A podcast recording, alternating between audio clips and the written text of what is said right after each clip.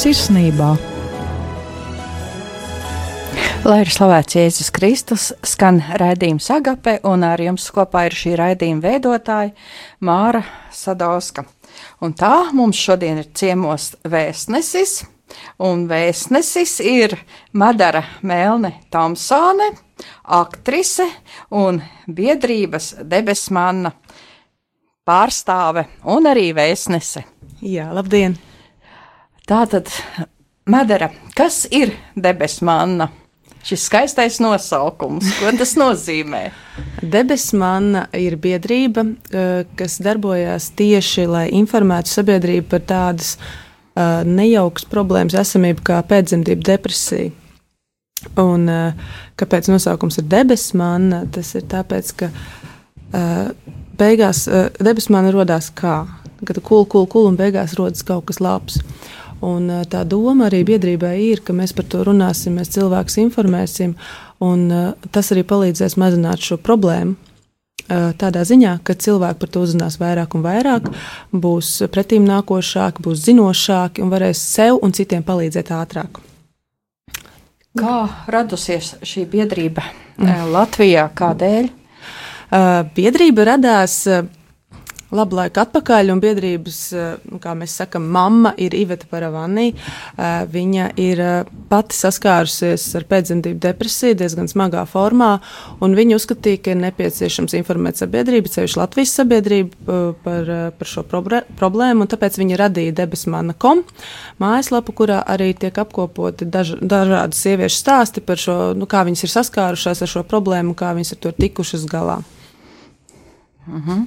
Un tā tad biedrība ir radusies 2013. gada decembrī, un tā droši vien arī ir skatoties kādā ārzemju pieredzē kaut kur tā, varbūt tad ir sākts par to runāt. Jā, jo uh, arī atsaucoties uz Ivetas stāstīto, ko viņa man personīgi ir stāstījusi, tajā laikā, kad viņa ar to saskārās Latvijā, par to informācijas bija ļoti maz. Un uh, es ar to saskāros 2014. gadā, un arī tad informācija bija ļoti, ļoti maz. Un ja viņa arī bija, tad tie bija stāsti, kas, nu, citu sieviešu stāsti, kas tika tulkot uz latviešu valodu, un, protams, ka šie stāsti arī tika uztverti ļoti kritiski. Konkrēti komentāru daļās tad, nu, tas bija ļoti dramatiski, kas tur darījās. Jo es palasīju, piemēram, bija tāds raksts tieši par pēcdzemdību depresiju. Kur viena britu sieviete stāstīja par to, kā viņai gājis ar trīs bērniem, un cik tas bija šausmīgi. Apakšā komentāros bija lasāms nu, tāda neiecietība, ka man bija bail mutivērt vaļā un kādam stāstīt, ka man ir slikti. Uh, Lūk, tā. Tāpēc arī es eh, izvēlējos eh, piedalīties, dalīties ar savu stāstu un piedalīties še, šais biedrības darbā, jo uzskatu, ka, ka informācija ir jābūt, un, un tad, kad ir informācija, tad arī rodas zināšanas. Un, un cilvēki kļūst iecietīgāki viens pret otru un, par, pa, nu, un spēj viens otru arī saprast labāk. Un uh, rudenī notika tāda akcija, tu te patās, tā bija biedrības debesmāna organizēta un veidota. Kas tajā notika? Nu, tā akcija um, bija ar mērķi runāt par šo problēmu, veicināt sabiedrības izpratni, līdzcietību Un uh, bija, uh, akcijas nosaukums jau tu patās, kas ir, mēs aizņēmāmies no Imants Ziedoņa. Bet uh, tu te patās arī nozīmē to, ka uh, ir jāapskatās apkārt un, uh, un mēs varam redzēt, ka ir cilvēki, kuriem ir grūti. Un es te nerunāju tikai par pēcdzemdību depresiju, vispār. vispār. Mēs varam redzēt, ka cilvēkiem ir grūti, bet viņi par to nerunā. Kāpēc viņi par to nerunā? Bailes, aizspriedumi vai vēl kaut kas. Un tu patās tieši nozīmē to, ka mēs esam blakus, mēs viens otram esam līdzās, un mēs varam viens otram arī palīdzēt, ja mēs zinām, kā. Un tāpēc es domāju, ka arī biedrības debesu manas darbs ir ļoti svētīgs, ir sevišķi akcijas, tu patās ietvaros. Jo mēs informējam sabiedrību par to, ka ir šāda problēma un kā ar to cīnīties. Tātad, lai informētu, lai stāstītu, lai atbalstītu, ir vajadzīga komanda. Kas ir šī komanda? Jā, nu, es varu dalīties savā stāstā par to, kā šī problēma skāra mani. Un, un, un arī iepazīstināt ar to, kāda bija mana atbalsta komanda. Tātad mums ar vīru pieteicās ilgi gaidīts bērniņš. Viss bija skaisti, un es grūtniecības laikā biju izlasījusi ļoti daudz literatūru par to, kā būs un uh, kādas būs dzemdības, un ko vajag darīt, lai viss būtu labi, kā kā sagatavoties uh, dzemdībām un arī pirmajiem mēnešiem pēc tām. Uh, bet uh, nu, tas ne, nepasargāja mani no tā, kas sekoja pēc dzemdībām. Tas nepasargāja mani no tiem apstākļiem, kādi radās pat ne no manis atkarīgi. Nu, viņi nebija no manis atkarīgi tie apstākļi. Jo Pirmkārt, bērniņš izdomāja, ka vēderā mammai sēdēt ir forši, un ilgi to gribēja darīt. Tad man izraisīja dzemdības, un pašas dzemdības bija smagas, kas arī, acīm redzot, atstāja iespaidu uz mani. Un, un arī, nu, līdz ar to man sākās pēcdzemdību depresija. Un tas izpaudās konkrēti tā, ka pirmās divas nedēļas pēc bērna dzimšanas es vienkārši daudz raudāju. Un tas bija tā, nevis vienkārši sāku raudāt un stundām raudu. Tas bija tā, ka es varēju vārīt zupu un vienā brīdī vienkārši izplūst asarās, un es pati nesapratu, kāpēc. Vienkārši es nesapratu, kāpēc. Nu, nu, nu, tas taču nav normāli. un, un es stūmu ratiņus, mēs ejam ar bērnu pastaigāties, stūmu ratiņus un arī vienkārši raudu uz ielas. Sajūtas mājās, kad es biju ar bērnu, viena pati bija ļoti drūmas. Man tiešām likās, ka manā pasaulē vairs nav krāsu. Tiešām. Un ka ir drūmi un drēgni un augsti un ļoti vientuļi. Un tas pat eskalējās tik tā, ka es pat reiz nošakēju savus vecākus ar, ar tekstu, ka kā man divas stundas jābūt vienai mājās, jūs te nebūsiet, bet, bet, bet ārprāts. Un viņas man skatījās un domāja, nu, Madara, nu, ko tu runā, divas stundas ar bērnu, kas tev ir, bet man bija bail. Es naktīs arī slikti gulēju. Nu, ne jau tas, ka bērns par nakti raud, tas ir dabiski, bet manējā bija mierīgi. Viņai viss bija kārtībā, manai meitai. Viņa gulēja, bet es naktī rāvos augšā. Es rāvos augšā un domāju, ka, ka esmu nogulējis savu bērnu, barojot, ka viņa ir nosmakusi man blakus, bet bērniņš jau sen gulēja gultiņā. Es, man bija trauksme. Un es to īsti nesapratu, līdz kamēr četrus mēnešus pēc dzemdībām es aizgāju pie psihoterapeita, jo nu, tas vairs nebija normāli. Tas vispār nebija normāli būt, būt tik ļoti lielā izmisumā, kad viss ir kārtībā. Kad tu saproti, bērns piedzimis, vesels, pašai viss ir labi, ir vīrs, ģimene, visi atbalsta. Un vienalga, tu jūties tik slikti. Nu, es aizgāju pie psiholoģijas, un uh, pēc, pēc pirmās uh, konsultācijas bija tā, ka es atnācu mājās, tur bija mans tēvs, kurš tajā brīdī bija bez darba, un viņš varēja man palīdzēt ar bērnu. Un, un, un bija tā, ka es atnācu mājās, es teicu, ka man vajag pagulēt, jo man bija tāds atslābums iestājies. Un es aizgāju pa pirmo reizi, pēc četriem mēnešiem, tā viena stunda miega, bija, tas miegs bija tik spirdzinošs. Un kāpēc? Tagad es saprotu, kāpēc. Tāpēc, ka es vienkārši varēju atklāt to, ko es citiem neatklāju. Nu, tā arī ir li ļoti liela problēma sievietēm, ka mēs taču saprotam, ka bērns ir prieks. Visi zina bērniņš, tā ir svētība, tas ir prieks un ģimenes laime. Un tāpēc ir tik šausmīgi grūti pašām sev atklāt un uh, atzīt, ka jā, ka es nejūtos laimīgi, ka man ir slikti. Un, ir jās, un tad, kad tas ir atzīts, tad ir jāiet, jādara kaut kas, lai justos labāk. Nu, lūk, un, un tad es sāku terapiju, un man viņa ilga aptuveni gadu, pusotru. Un, ziniet, palika labāk. un es ļoti priecājos, ka es izvēlējos apmeklēt terapiju, terapeiti. Un, eh, un tagad es varu mierīgi teikt, ka jā, kādu gadu es vairs neeju uz terapiju, vai pat ne, vairāk jau es neeju uz terapiju. Un nu jau es jūtos tik stipri, ka es par to varu runāt publiski. Un, uh, tieši šīs sarun, uh, sajūtas rezultātā es uzrakstīju vēstuli biedrībai Debesmana.com, uh, kurā es aprakstīju to, kā man gāja. Un tā bija ļoti pārdomāta vēstule. Viņa rakstīja sešus mēnešus. Rakstīja, pārrakstīja, rakstīja un vēlreiz pārrakstīja, rediģēja un domāja, kā labāk. Jo, uh, jā, lai, lai, lai labāk izstāstītu to stāstu bez liekām lietām. Un, un jā, es to stāstu publicēju, un kas notika pēc tam? Tas arī mani diezgan pārsteidz, ka sievietes, pilnīgi svešas sievietes, kuras mūžā neesmu satikusi, viņas man rakstīja vēstules uz Facebook un viņas dalījās savā pieredzē. Dažas vienkārši teica, paldies, paldies, ka tu par to runā, un paldies, ka tev ir drosme par to runāt. Un citas man rakstīja un stāstīja, kā viņām ir, vai viņu radiniecēm kā ir tagad, un uh, ka, ka viņām arī liekas, ka tas nav normāli un ko darīt.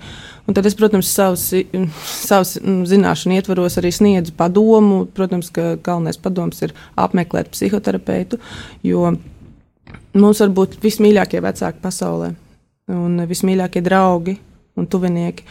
Bet uh, ir lietas, ko mēs arī saviem tuviniekiem nestāstam.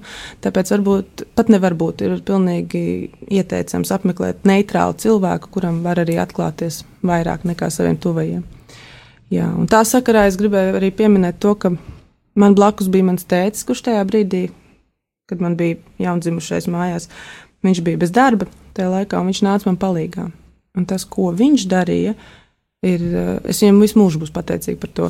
Viņš vienkārši klausījās manī. Es varēju runāt, es varēju stāstīt savu, savus sāpes, es viņam varēju vienkārši uzdot jautājumus. Viņš man bija blakus tajā brīdī, kad es vienkārši izplūdu asarās. Viņš nesaprata, kas ar mani notiek. Viņš, es varēju redzēt tā, savu tēvu acīs vienkārši šoku, kas ir. Bet, bet viņš arī ļoti labi saprata, ka tajā brīdī vārds saņemies absolūti nestrādās. Un tas, ko viņš darīja, viņš man bija vienkārši blakus. Viņš bija tu tepatās, viņš bija tepat blakus. Un tā bija lielākā dāvana, ko es laikam no viņa varu saņemt, ko varēju saņemt. Un tāpēc viņam liels paldies par to.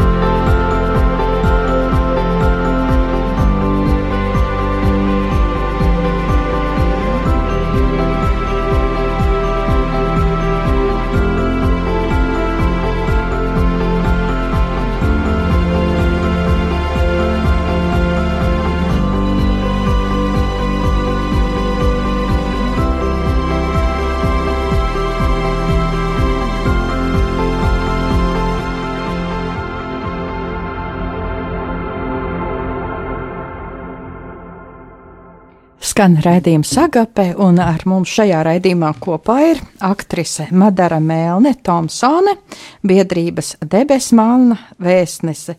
Un lūk, Madaras stāsts par to, kā ir cilvēkam būt problēmās, cik tas ir svarīgi, ja ir atbalstītājs, ja ir kas saprot un arī kas palīdz. Un lūk, tā arī biedrībai debesmanna ir komanda, kura var palīdzēt. Un tā adrese ir www.debesmana.com. Tāda ir tā adrese mājaslapai, un tur var arī skatīties. Un tātad, kas strādā šajā komandā? Kādas ir tās iespējas? Nu, pirmkārt, jāpiemina, ka biedrība nesaņem nekādu finansiālu atbalstu. Līdz ar to tas ir tiešām brīvprātīgs darbs. Mēs esam ļoti pateicīgi visiem, kas mūs atbalsta. graudā vai naudā, vienalga ar telpām. Tad, jā, viņiem ļoti liels paldies. Bet uh, biedrības uh, komandas kodolu veido Iveta Paravani, kuru tagad arī apgūst psiholoģiju, uh, psiholoģija Diana Zande un Marina Brice. Un tas, ko es varu pastāstīt, tas, ka debesmana.com mājaslapā, ja jūs to apmeklējat, tur jūs atradīsiet dažādas sieviešu stāstus par to, kā viņām ir gājis. Tur jūs atradīsiet arī manu stāstu par to, ka, eh, kā es tiku tam cauri un ko es arī iesaku darīt, ja jūs jūtat, ka jums vai kādam no jūsu pazīstamiem ir šāda rakstura problēmas. Eh, bet tas, ko debesmana komu tuvākajā laikā dara, ir eh, janvārī sāksies atkal atbalsta grupas nodarbības Rīgā. Par to, kurā vietā tas notiks, mēs informēsim caur saviem kontiem Twitter, Instagram un Facebook. Tā kā, ja arī interesē, apmeklējiet šīs vietnes, eh, tieši mūsu adresi, un tur būs informācija visa. Uh, jā, tas, jā, tā, to es tagad varu pateikt. Jā. Tātad, un vēl jūs teicāt pirms raidījuma, ka būs arī kāds seminārs Kuldīgā, tas būs 13. februārī. Jā, tri, jā 13. februārī Kuldīgā par telpām arī ziņosim, te, ka tuvosies pasākums, jo esam telpu meklējumos, tā ka ja varbūt kāds mūs dzird un saprot, ka varētu mums piešķirt telpas semināram, ļoti priecāsimies par jebkuru atbalstu. Jā, un šī, eh, šī semināra būs bez maksas un domāti tieši, lai informētu sabiedrību par šo problēmu, jaunās māmiņas, eh, topošās māmiņas. Eh, un lai, lai arī radinieki, piemēram, ja, ja viņus interesē, varētu arī uzzināt kaut, kaut ko par šo problēmu un būt gatavi, ja nu nedod Dievs tā skar. Un jūsu tādi arī ieteikumi šajā stāstā ir mm. tajā mājaslapā klāt. Kā Jā. jūs tos komentējat, kā jūs stāstīt cilvēkiem, kāda tie ir? Mm, jā, es uzrakstīju savu vēstuli, un apakšā es pierakstīju ieteikumus, ko darīt, ja sievietē pašai vai viņas vīram, tad citu vīram arī, nu, tēvam arī var būt pēcdzemdību depresija. Tas ir pilnīgi iespējams, tāpēc nevajag brīnīties, ka tēva pēc bērna piedzimšanas kādu laiku uzvedās ļoti dīvaini, jo viņiem arī var būt šādas problēmas. Un tad ieteikumi pa pamatā bija tādi, ka Tas, ko noteikti nevajag darīt, nevajag, da ja jūs redzat, ka kādam cilvēkam ir slikti šādā ziņā, nevajag teikt, saņemies. Dieva dēļ nesakiet viņam, lai viņš saņemās. Jo tas ir tas pats, kas ar domu spēku mēģināt apturēt rotovīrusu. Nu, mēs zinām, kas ir rotovīrus. Ja, jo nevar. Es mēģināju saņemties, ticiet man, es ļoti mēģināju saņemties. Nesanāk. Par, jo ar to psihi ir tā. Tu vari saņemties kādu laiku, bet ja tu nelaidīsi ārā to to, kas tevī mīt. Un, ja tu to nedarīsi, protams, kontrolētā veidā pie terapeita, tad tas agrāk vai vēlāk iznāks ārā pats. Un, labi, ja tas iznāks ar saplēstiem traukiem vai, vai kliekšanu vai kaut ko tādu sliktāk, ja, ja notiek bēdīgākas lietas. Nu, lūk, tā tad mans ieteikums nepārmetiet. Nepārmetiet šiem cilvēkiem, ka viņi, ka viņi jūtas slikti un, jūsuprāt, neadekvāti situācijai, jo viņi paši sevi jau diezgan konkrēti soda un pārmet sev, ka viņi tā jūtas. Runājiet ar šiem cilvēkiem, ļaujiet viņiem runāt. Jo kas ir ļoti svarīgi, ir svarīgi justies droši, ka tu drīkst savas domas ne tikai izrunāt, bet arī domāt. Radiet iespēju apmeklēt psihoterapeitu, pilnīgi noteikti šī iespēja ir nepieciešama. Tātad atnāciet, pasakiet, es pat paauklēšu tavu bērnu, aiziet pie terapeita. Tu vari to. Viņš būs drošībā, bērniņš būs drošībā, un tu to vari darīt um, ejiet ciemos pie jauniem vecākiem. Jūs redzat, ka mammai ir grūti un tēcis ir darbā. Piemēram, manā situācijā mans vīrs bija darbā katru dienu, nu, viņš nevarēja savādāk. Nu, pie manis nāca tēcis, un mans tēcis viņš taisīja man ēst. Jo es biju beigusi ēst normāli. Viņš man taisīja ēst un, un, un runāja ar mani un ļāva justies man kā sabiedrības loceklē. Jo kas ir svarīgi arī saprast to, ka mūsdienās māmiņas, uh, māmiņas kas cieš no depresijas, nu, vispār māmiņas. Viņām piedzimst bērns, un viņas paliek mājās vienas, četrās sienās. Un, un tā nav laba lieta. Māmiņām ir jābūt joprojām sabiedrības loceklēm. Tas, ka viņām ir bērniņš, nenozīmē, ka viņš tagad pēkšņi ir pilnīgi cita, cits cilvēks. Viņas ir tie paši cilvēki, kas viņas bija pirms bērna piedzimšanas. Tāpēc jāmēģina maksimāli iesaistīt sabiedrības norisēs, nu, kaut vai runājot par to. Vienkārši pastāstot kaut kādus jaunumus, pajautāt viedokli. Jā. Nē, nu jā. Kāds klausītājs saka, eh, komentē tā, man jau šķiet, ka tas attiecas ne tikai uz pēcdzemdību depresiju. Precīzi, tas... pilnīgi precīzi. Tāpēc arī uh, ir jāsaprot, ka pēcdzemdību depresija tas nav kaut kas tāds uh, ārkārtīgi īpašs. Jā, tas ir stāvoklis, kurā var nonākt sievietes un vīrieši, kad viņiem ir piedzimis bērns, jā, jo ir atsevišķas pazīmes, kas veicina šo depresiju. Bet ļoti daudz kas sakrīt ar to, kā izpaužās, nu, ja tā drīkst teikt, klasiskā depresija. Jā, tā nomāktība ir ļoti līdzīga tām. Vienīgi kāpēc ir atsevišķi šis izdalīts, tas ir tas, ka, ka mēs zinām iemeslus un to virzienu, kā tikt ar to galā. Nu, tas ir atsevišķi pētīts. Tādā, tā.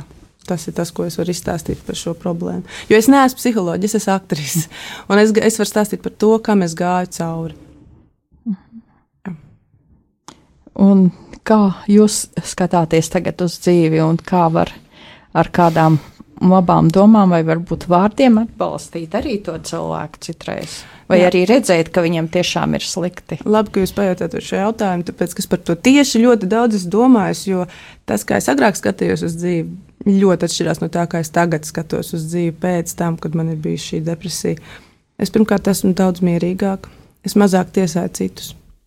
Jo pateikt otram kaut ko, ka nu, tu kaut ko ne tā dari, vai tu jūties ne tā, jo sabiedrība, nu, tev nekas tāds nav noticis, lai justos tik slikti. Ja? Tas ir ļoti vienkārši.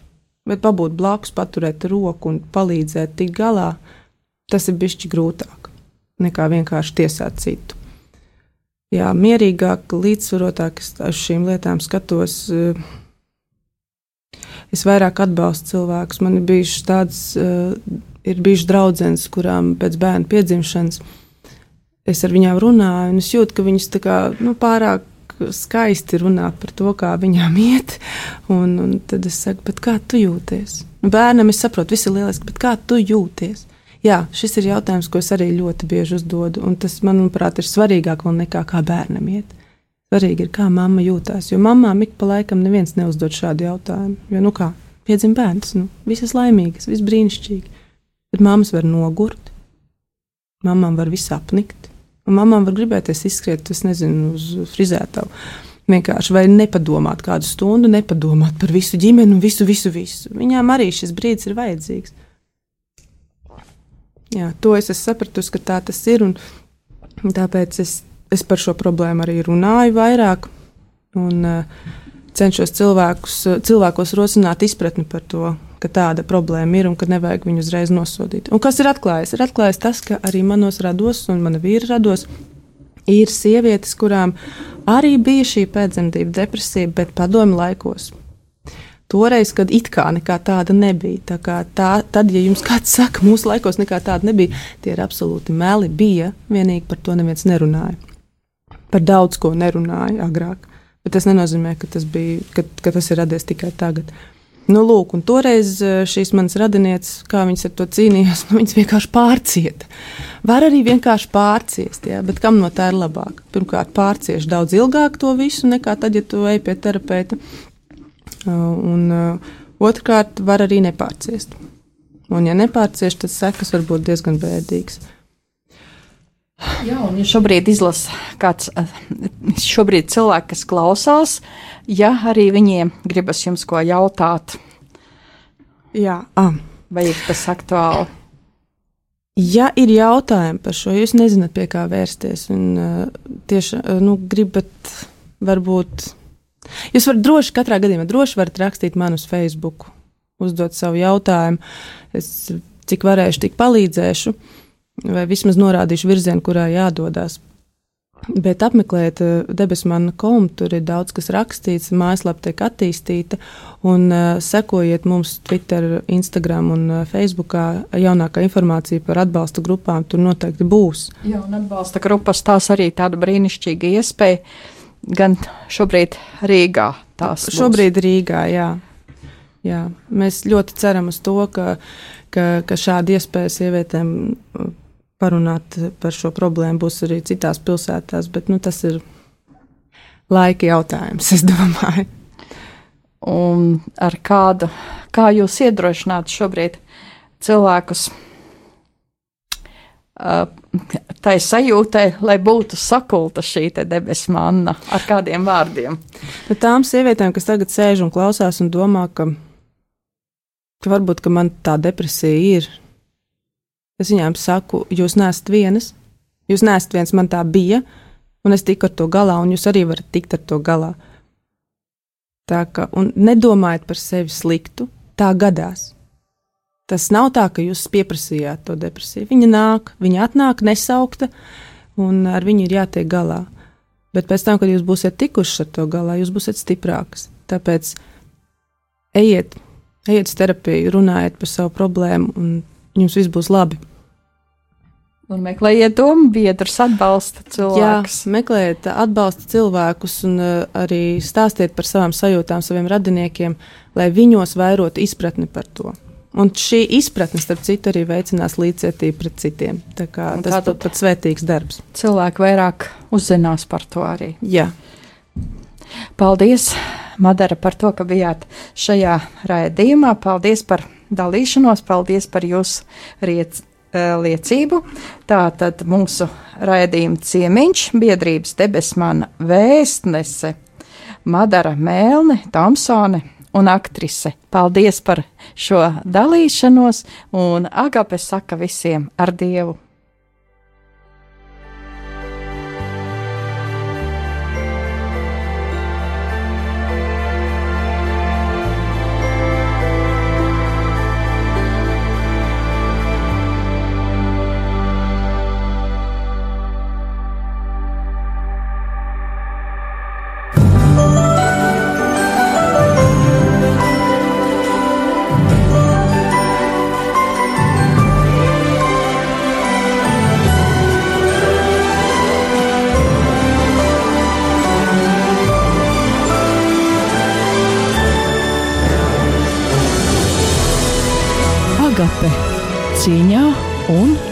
Agape cīņā un sirsnībā.